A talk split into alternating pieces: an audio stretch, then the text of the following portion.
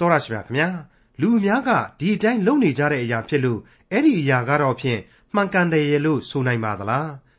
အရာတစ်ခုကိုလူအ ਨੇ စုကပဲလှုပ်ဆောင်နေလို့အဲ့ဒီအရာကတော့ဖြင့်မှားတယ်ရဲ့လို့မှတ်ယူနိုင်ပါသလားလူအများစုကလှုပ်ဆောင်နေတဲ့အရာတိုင်းမှန်မှန်နိုင်တယ်လို့လူနည်းစုကပဲလှုပ်ဆောင်နေလို့မှားတယ်ရဲ့လို့လည်းအမြဲတမ်းမယူဆနိုင်ပါဘူး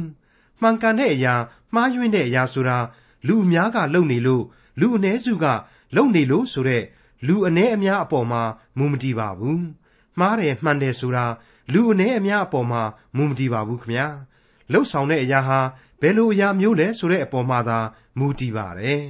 အသက်လမ်းနဲ့အပြက်လမ်းကိုရှင်းရှင်းလင်းလင်းဖော်ပြထားတဲ့ခရိယန်တမန်ကျမ်းဓမ္မဟောင်းကျမ်းပိုင်းတွေကပထမမြောက်ဆာလံကျမ်းအပိုက်ငယ်၄ကနေဒုတိယမြောက်ဆာလံကျမ်းအပိုက်ငယ်2အထိကို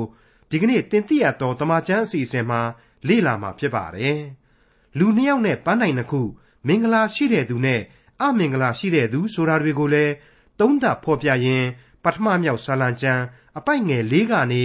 ဒုတိယမြောက်ဆာလံကျမ်းအပိုက်ငယ်2အထိကိုဒေါက်တာထွန်းမြတ်အေးကအခုလိုလေ့လာတင်ပြမှာဖြစ်ပါတယ်။သောတရှင်မိတ်ဆွေအပေါင်းတို့ခမညာ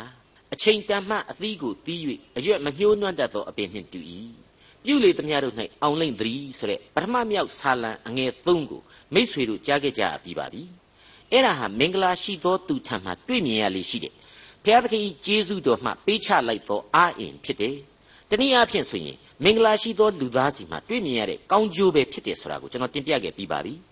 အဲ့ဒီအထက်ကမှသီးပွင့်ခြင်းအကြောင်းကိုသာကျွန်တော်အနေနဲ့တင်ပြခဲ့ရပေမယ့်အရွက်မညှိုးနွမ်းခြင်းရဲ့ပြုလေသမျှတို့၌အောင်မြင်ရခြင်းတို့ရဲ့ကတော့ခါးဆက်ပြက်ပြီးတော့ကြံခဲ့တယ်လို့ရှိခဲ့ပါလေဒါကြောင့်ဒီကနေ့အစီအစဉ်မှာတော့အဲ့ဒီပထမမြောက်သောဆာလံရဲ့အငယ်၃ကိုဆက်လက်ပြီးတော့ ဖွင့်ဆိုခွင့်ပြုပါရန်မေတ္တာရက်ခံအပ်ပါတယ်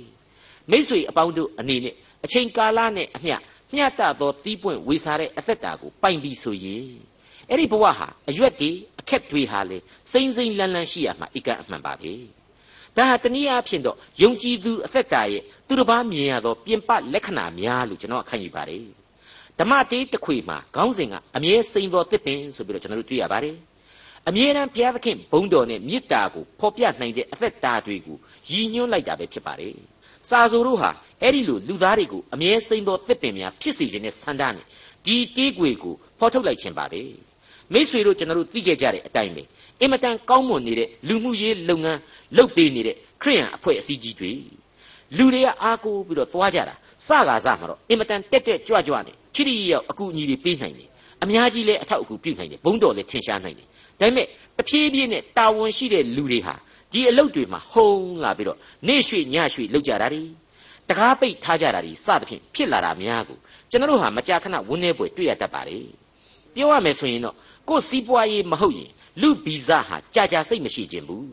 တဲကြီးမခံခြင်းဘူးအမြဲမစိမ့်မလန်းနိုင်ဘူးဆိုတဲ့သဘောပါပဲဒါကြောင့်လေပါဇက်ကရွတ်လို့ကောင်းလာတဲ့အများကောင်းစားရေးဝါဒကြီးတွေဟာတဖြည်းဖြည်းနဲ့ကြာဆုံးကုန်ရတာပါပဲကျွန်တော်ယုံကြည်သူတွေကြတော့ ဘုရားသခင်ရဲ့ကျေးဇူးတော်မှာတည်မိတယ်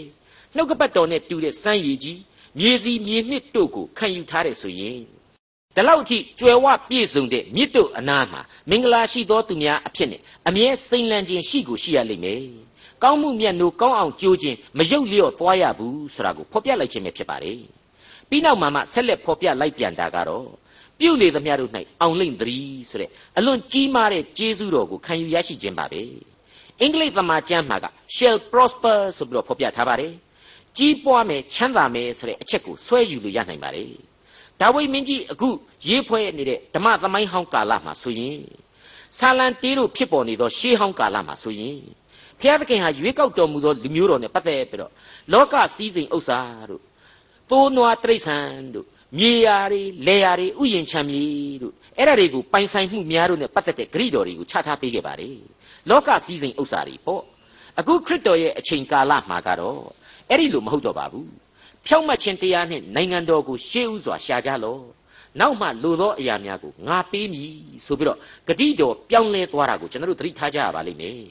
ဒီတော့မိษွေဟာအကယ်၍ဘုရားသခင်ကဥစွာပေးမယ်ဆိုပြီးတော့ဓမ္မဟောင်းကာလလို့ဂရိပေးပြီးတော့မထားတဲ့ပစ္စည်းဥစ္စာများနဲ့ ချမ်းသာကြွယ်ဝလာတယ်ဆိုရင်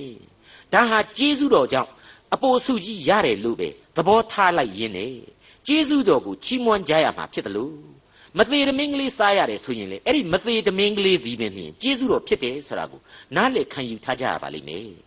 John Trapp ဆိုတဲ့အတွေ့အခေါ်သမားကြီးတယောက်ဟာချမ်းသာကြွယ်ဝခြင်းနဲ့အတူဘုရားသခင်၌တည်မိခြင်းရှိမှသာလျှင်အဲ့ဒီချမ်းသာကြွယ်ဝခြင်းဟာချိုမြိန်ပွေသောဘဝအရသာကိုဖြစ်စေနိုင်တယ်အတိတ်ပဲရှိတယ် ချမ်းသာကြွယ်ဝခြင်းဆိုတာဟာဘဲဥများသုံညများလို့ဘလောက်ပဲတလုံးပြီးတလုံးတိုးနေနေရှေ့ဆုံးကယုံကြည်ခြင်းနဲ့ကျေးဇူးတော်ချီးမွမ်းခြင်းဆိုတဲ့တစ်ကနန်းကလေးမပါဘူးဆိုတာနဲ့အမျှအကုန်လုံးသုံညကြီးပဲဖြစ်သွားရလိမ့်မယ်လို့ဖော်ပြလိုက်ပါတယ်ဒါဟာအလွန်စိတ်ဝင်စားစရာဖော်ပြချက်တစ်ခုဖြစ်တယ်လို့ကျွန်တော်လက်ခံချင်ပါတယ်ဟုတ်ပါတယ်လူသားတို့ရဲ့အသက်တာမှာယုံကြည်ခြင်းနဲ့ခရစ်တော်ကိုလက်ခံခြင်းဟာတစ်ကနန်းအဖြစ်ရှေ့ဆုံးတန်းမှာရှိဖို့အဓိကပဲဖြစ်ပါတယ်မိษွေအပေါင်းတို့ရေ မင်္ဂလာရှိသောသူဤရယူရာကောင်းကျိုးများအဖြစ်အင်အားဆိုတာကိုကျွန်တော်တို့တွေ့ကြရပြီးပါပြီထိုသူသည်မြင်နာမှာစိုက်လျက်မိမိအချိန်တန်မှအသီးသီး၍အရွက်မညှိုးနွမ်းတတ်သောအပင်ဆိုတဲ့အင်အားပဲဖြစ်တာကိုဖော်ပြခဲ့ပြီးပါပြီအခုအချိန်မှာတော့မင်္ဂလာရှိသောသူတို့ဤတည်မြဲခိုင်ခံ့ခြင်းဆိုတာကိုကျွန်တော်ဆက်လက်ဖော်ပြသွားခြင်းပါတယ်ဒါကိုဆန့်ကျင်နှိုင်းယှဉ်ချက် contrast လို့ခေါ်နိုင်တဲ့ပြောင်းပြန်သရုပ်အားဖြင့်အခုလိုစတင်ပြီးတွေ့ရပါလိမ့်မယ်ပထမမြောက်သောဆာလံကျမ်းအခန်းကြီး1အငယ်၄မှ9 မတရားသောသူတို့မူကားထိုကဲ့သို့မဟုတ်လေတက်၍လွင့်သောဖွဲနှင့်တူကြ၏ထို့ကြောင့်တရားဆုံးဖြတ်တော်မူရာကာလ၌မတရားသောသူတို့သည်မတိမနေရကြဖြောင့်မတ်သောသူတို့၏အပေါင်းအသင်းတဲသို့လူဆိုးတို့သည်မဝင်ရကြလူနှစ်ယောက်နဲ့ပန်းတိုင်နှစ်ခုလို့ဆိုခြင်းရင်ဆိုလို့ရပါလိမ့်မယ်အပြက်လန်းနဲ့အသက်လန်းနှစ်သွယ်သောလမ်းပေါ်ကနှစ်ယောက်သောလူတို့ရဲ့မတူညီတဲ့ဆန့်ကျင်ဘက်တရုပ်ဆန့်ကျင်ဘက်ခရီးတွေလူသားနှစ်ဦးလို့ဆိုခြင်းလည်းရနိုင်ပါလိမ့်မယ်ဘုရားသခင်ဟာဘယ်လန်းဟာမှန်တယ် ဘယ်လန်းဟာမှားတယ်ဆိုတာကိုနှုတ်ကပတ်တော်ကတဆင့်ပြီးပြီးပြင်းပြင်းဖော်ပြလိုက်ပါတယ်ကျွန်တော်လူသားများအများစုအဖို့ကတော့ဒီအမှားနဲ့အမှန်ကိုစံတဝါဝါရှိစေမရေမရမသေးမချဖြစ်နေစေတယ်လို့ကျွန်တော်ခန်းစားမိပါတယ်ဘုရားသခင်အဖို့ကတော့အလွန်တိကျပြတ်သားစွာနဲ့ပိုင်းဖြတ်ဖော်ပြလိုက်ခြင်းပဲဖြစ်ပါတယ်သမိုင်းနဲ့ရှင်ပေါ်လွင်စေခဲ့သောအဘယ်အဘိဓမ္မာကမှဆန့်ကျင်လို့မရနိုင်သောလမ်းနှစ်သွေပဲဖြစ်ပါတယ်ဟုတ်ပါတယ် တရားဆုံးဖြတ်တော်မူရာကာလဆိုတာကိုအထူးသတိပြုရပါလိမ့်မယ်အဲ့ဒီတရားဆုံးဖြတ်တော်မူရာကာလဆိုတာဟာကျွန်တော်လူသားတိုင်းရဲ့ဝိညာဉ်တိုင်းရင်ဆိုင်ရမယ့်ကာလကြီးပဲဖြစ်ပါတယ်ဒီနေရာမှာဝိညာဉ်တိုင်းရင်ဆိုင်ရမယ်ဆိုတဲ့ကျွန်တော်စကားဟာအလွန်ယူပါယုံဆန်တဲ့စကားများဖြစ်နေပါသလားမရေမရမသိမချများဖြစ်နေပါသလားတကယ်တော့မရေမရမသိမချဖြစ်နေတယ်ဆိုရင်ဒါဟာလူသားရဲ့ညံမမီခြင်းကြောင့်သာမရေမရမသိမချဖြစ်နေခြင်းပဲနှုတ်ကပတ်တော်အရာ ယုံကြည်သူအသင်းတော်တို့အတွက်သီးသန့်ဖြစ်တယ်လို့ကြံလူသားအလုံးအတွက်လည်းတရားစီရင်ခြင်းဆိုတာဟာရှိကိုရှိမှအသေးချာပဲဖြစ်ပါတယ်လူဆိုတဲ့ဘုရားသခင်ဝိညာဉ်မှုတ်သွင်းခြင်းခံရတဲ့လူတ attva မှုလို့ဒီတ attva တို့ရဲ့အတွက်ဘုရားသခင်ချထားတဲ့တရားခွင်ဆိုတာဟာမရှိမဖြစ်လိုအပ်လိမ့်မယ်ဆိုတာကိုလေကျွန်တော်လူသားဟာကောင်းကောင်းကြီးခံစားနားလည်နိုင်ကြလိမ့်မယ်ထင်ပါတယ်အချိန်ကာလအတိအကျကိုမသိရှိမှန်းသာလျှင်သိတယ်ဆိုတဲ့ဝိညာဉ်အသိဟာ လူမှန်ရင်ရှိကိုရှိကြလိမ့်မယ်လို့ကျွန်တော်ဆိုချင်ပါတယ်မိษွေတို့ကိုကျွန်တော်အကျဉ်းချင်းပြောခဲ့ပူပါတယ်ဆုတောင်းလျက်စောင့်နေကြလောဆိုတဲ့အတိုင်းပဲဆုတောင်းလျက်ယုံကြည်လျက်ခရစ်တော်ကိုအားကိုးခိုလှုံလျက်ထိုနေ့ရဲ့ကာလကိုစောင့်စားသွားကြဖို့သာရှိတယ်ဆိုတာကိုကျွန်တော်ထပ်မံနှိုးဆော်ဖော်ပြလိုက်ချင်ပါတယ်အသက်လမ်းနဲ့အပြက်လမ်းနဲ့အဲ့ဒီမတူညီတဲ့လမ်းနှစ်သွဲကိုစီးသားခွဲခြားထားတဲ့အနန္တတကုရှင်ဘုရားသခင်ဟာ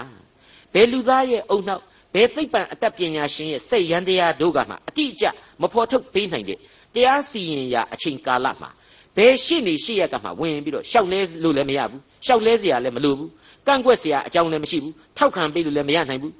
အဲ့ဒီလိုလူဝိညာဉ်မှန်သမျှကိုတရားစီရင်သွားမှဖြစ်တဲ့အကြောင်းလေးစားစွာတင်ပြလိုက်ပါတယ်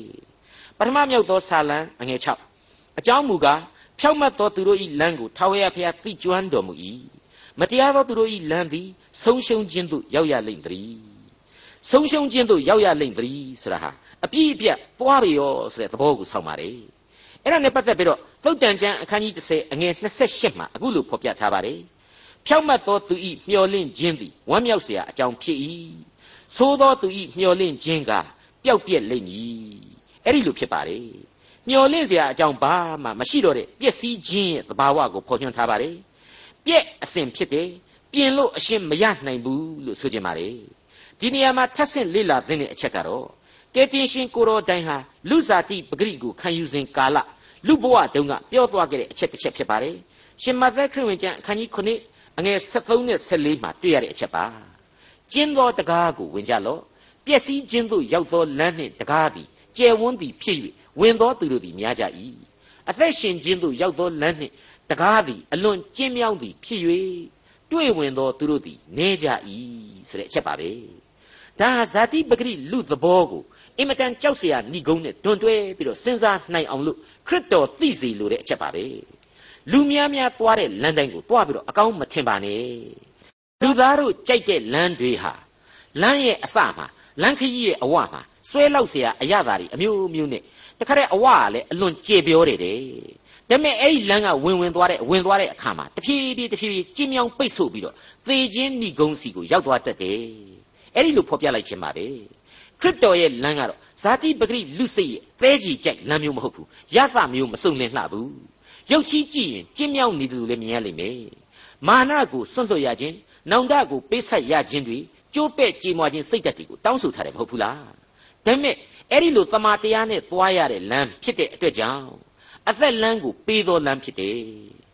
ဘုရားသခင်ရဲ့ကောင်းကင်နိုင်ငံတော်ကိုအမွေကိုရရှိစေသောလမ်းဖြစ်တယ်ဒါကိုဖော်ပြလိုက်ခြင်းပါပဲခရစ်တော်ကနေပြီးတော့ရှင်ယောဟန်ခရစ်ဝင်ကျမ်းအခန်းကြီး30အငယ်30မှာဆက်ပြီးပြောလိုက်တာကတော့ပထမမြောက်သောဆာလံသို့မဟုတ်ဆာလံ1ရဲ့မင်္ဂလာရှိသောသူတို့အဖို့အကျွင့်မဲ့ပြည့်စုံသောကယ်တင်ခြင်းတရားအကြောင်းကိုအထင်သာဖော်ကျူးပြနေတာ ਨੇ အတူတူပါပဲတခိုးသည်ခိုးခြင်းသတ်ခြင်းဖျက်ဆီးခြင်းဟာသာလာတတ်၏ ငါမူကားသိုးတို့သည်အသက်လွတ်ယုံမျှမကအထူးသဖြင့်အသက်နှင့်ပြည့်စုံစေခြင်းဟာလာသည်ဟုတ်ပါတယ်အထူးသဖြင့်အသက်နှင့်ပြည့်စုံခြင်းဆိုပြီးတော့အသက်ဆိုတာကိုအထူးပြုထားတယ်ဆိုတာသတိပြုကြပါဒီအသက်ဟာရိုးပြမြေခကြွေကြရတဲ့ဘဝအသက်တဲ့ပိုတဲ့အသက်မျိုးဖြစ်ပါတယ်လူမာသာလျှင်ခံစား권ရှိတဲ့အနန္တတကုရှင်ဘုရားသခင်ချပေးတော်မူသောသာဝရအသက်ပဲဖြစ်ပါတယ်ခရစ်တော်ကိုယ်တိုင်ရရှိစေရလိမ့်မယ်လို့ဂရိပြုခဲ့တဲ့အသက် သူကိုယ်တိုင်အောင်မြင်ခြင်းသက်သေထူပေးသွားခဲ့တဲ့အသက်ဖြစ်တာမို့လို့ဒီတဲ့ခိုင်လုံတဲ့အသက်လမ်းမရှိပါဘူးဒီမင်္ဂလာကျေးဇူးတော်ကိုခံယူကြပါလို့ဆိုလိုပါတယ်ဒါကိုအသက်လမ်းပေါ်မှာရှောက်သွားရင်းနဲ့အပြက်လမ်းပေါ်ကမတရားသောသူတို့နဲ့သီးသန့်စီချမင်္ဂလာတရားနဲ့ညီသောလူသားတိုင်းမလွဲမသွေခံစားရမှာဖြစ်တဲ့အကြောင်းဆာလံ1ဟာအခိုင်အမာဂရိပြုဖော်ပြလိုက်တယ်လို့ကျွန်တော်ဆိုလိုက်ပါရစေဒုတိယမြောက်သောဆာလံဆာလံကျမ်းအခန်းကြီး1ကိုအခုဆက်လက်လေ့လာသွားခြင်းပါတယ် မိษွေတော်တတ်ရှင်အပေါင်းတို့ပထမမြောက်သောဆာလံတည်ခြင်းဟာဖြင့်ခရစ်တော်ကြီးဟူသောအပြစ်မျိုးဆက်ကိုအဆုံးသတ်ပေးသောသခင်ခရစ်တော်အမှုပြုတဲ့မင်္ဂလာရှိသောလူတစ်ယောက်ရဲ့ပုံစံကိုဖော်ထုတ်ပြသသွားခဲ့ပြီဖြစ်ပါတယ်တနည်းအားဖြင့်ခရစ်တော်ကိုမြင်အောင်စေသောလူသားတို့ရဲ့ဘဝပုံစံလို့ကျွန်တော်တင်စားဖော်ပြသွားခဲ့ပါတယ်အခုအချိန်မှာတော့အဲ့ဒီဆာလံ1ရဲ့မင်္ဂလာရှိသောလူကိုကောင်းကောင်းကြီးဆန့်ကျင်နေတဲ့တော်လှန်ပုန်ကန်တတ်သောလူသားတို့ရဲ့အကြောင်းကိုဒုတိယမြောက်သောဆာလံဆာလံကျမ်းအခန်းကြီး2ဟာ ဆက်လက်ဖော်ပြသွားပါတော့မယ်မိတ်ဆွေတို့ခမညာမင်္ဂလာရှိသောလူဆရာဟာအဲ့ဒီလိုအပြစ်လောကလူသားတို့ကိုအပြစ်မှလွတ်မြောက်စေသောခရစ်တော်နဲ့ခရစ်တော်ကိုယုံကြည်သူတို့ရဲ့ဘဝပုံစံကိုကိုစားပြုထားသလို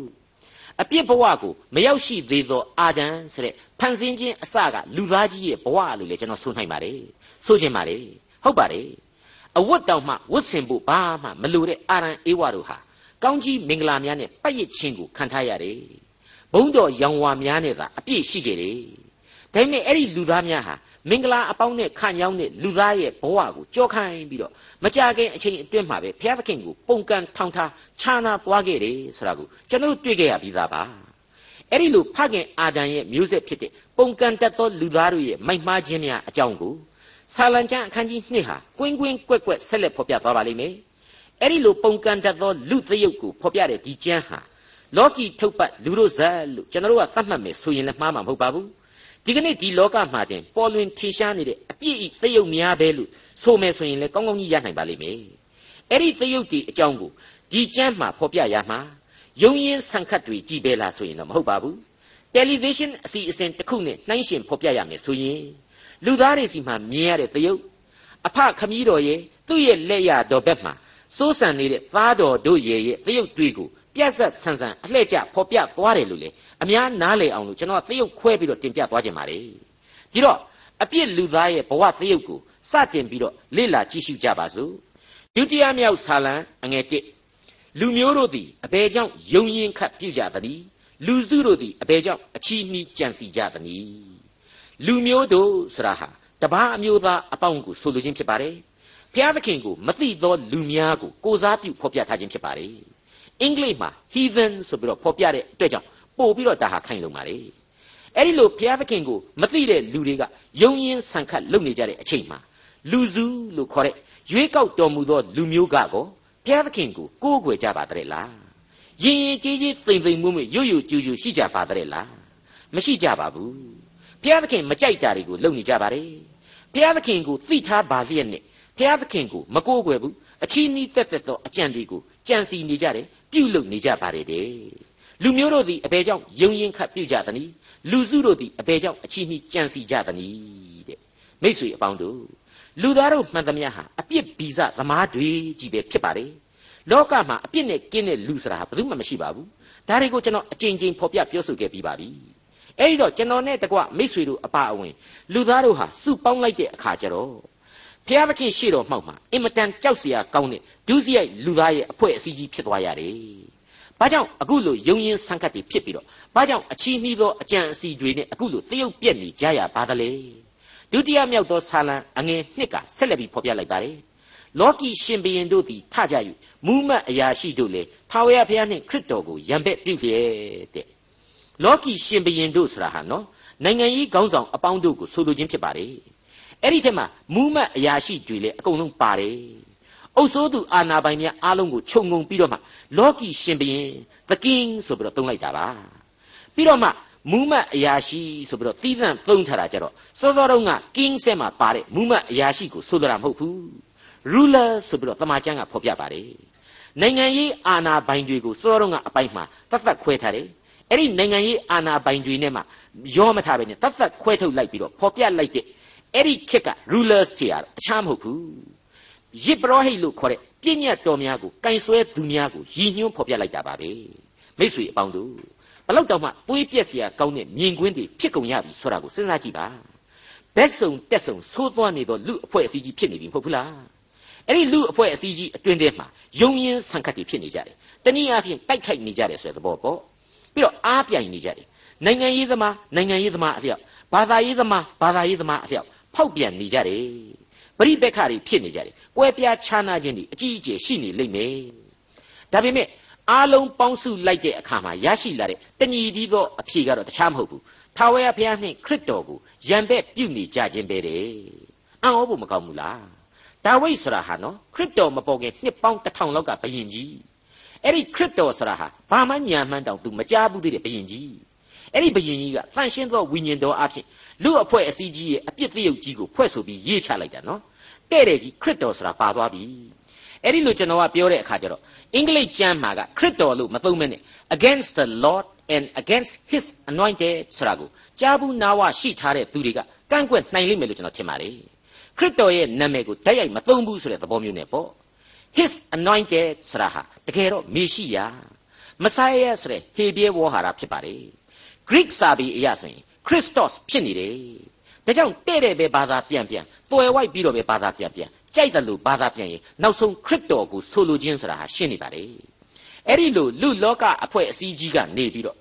မဟုတ်တဲ့နေရာမှာသွားပြီးတော့လက်တွဲညီညွတ်ဘုရားသခင်နဲ့ခရစ်တော်ကိုစုပေါင်းညီညာစွာရံပက်ပြုတ်နေတယ်ဆိုတာဟာဘယ်အချိန်ကစတင်ခဲ့သလဲဒါကိုနှုတ်ကပတ်တော်ဟာအဖြေပေးထားပါတယ်တမန်တော်ဝတ္ထုအခန်းကြီး၄မှာပြန်ပြီးတော့ဖတ်ကြည့်ကြပါ